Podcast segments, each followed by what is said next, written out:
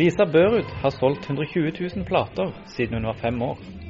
Nå er hun nominert til Petter Dass-prisen. For to år siden la hun musikkarrieren på hylla. Men jeg ble jo eldre, og da ble de som hørte på meg, yngre og yngre. Så det ble liksom de som var fem til ti år. Liksom ikke like gjennom når man er 19 år. Um,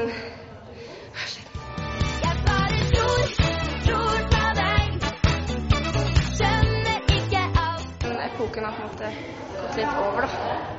Så akkurat nå så liker jeg å danse. Så det er det jeg syns er veldig gøy, da.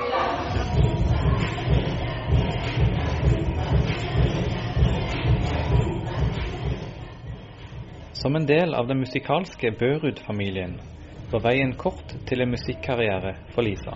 Uh, en ettermiddag spurte mamma og pappa om jeg ville spille i CD. Og det eneste jeg var ja, det vil jeg. Så da spilte jeg CD. Det var veldig greit, for vi hadde det jo hjemme. Så det var på en måte litt lettere for meg å gjøre det enn kanskje en som ikke har musikalsk familie som kan produsere og lage musikk. Så jeg var veldig heldig.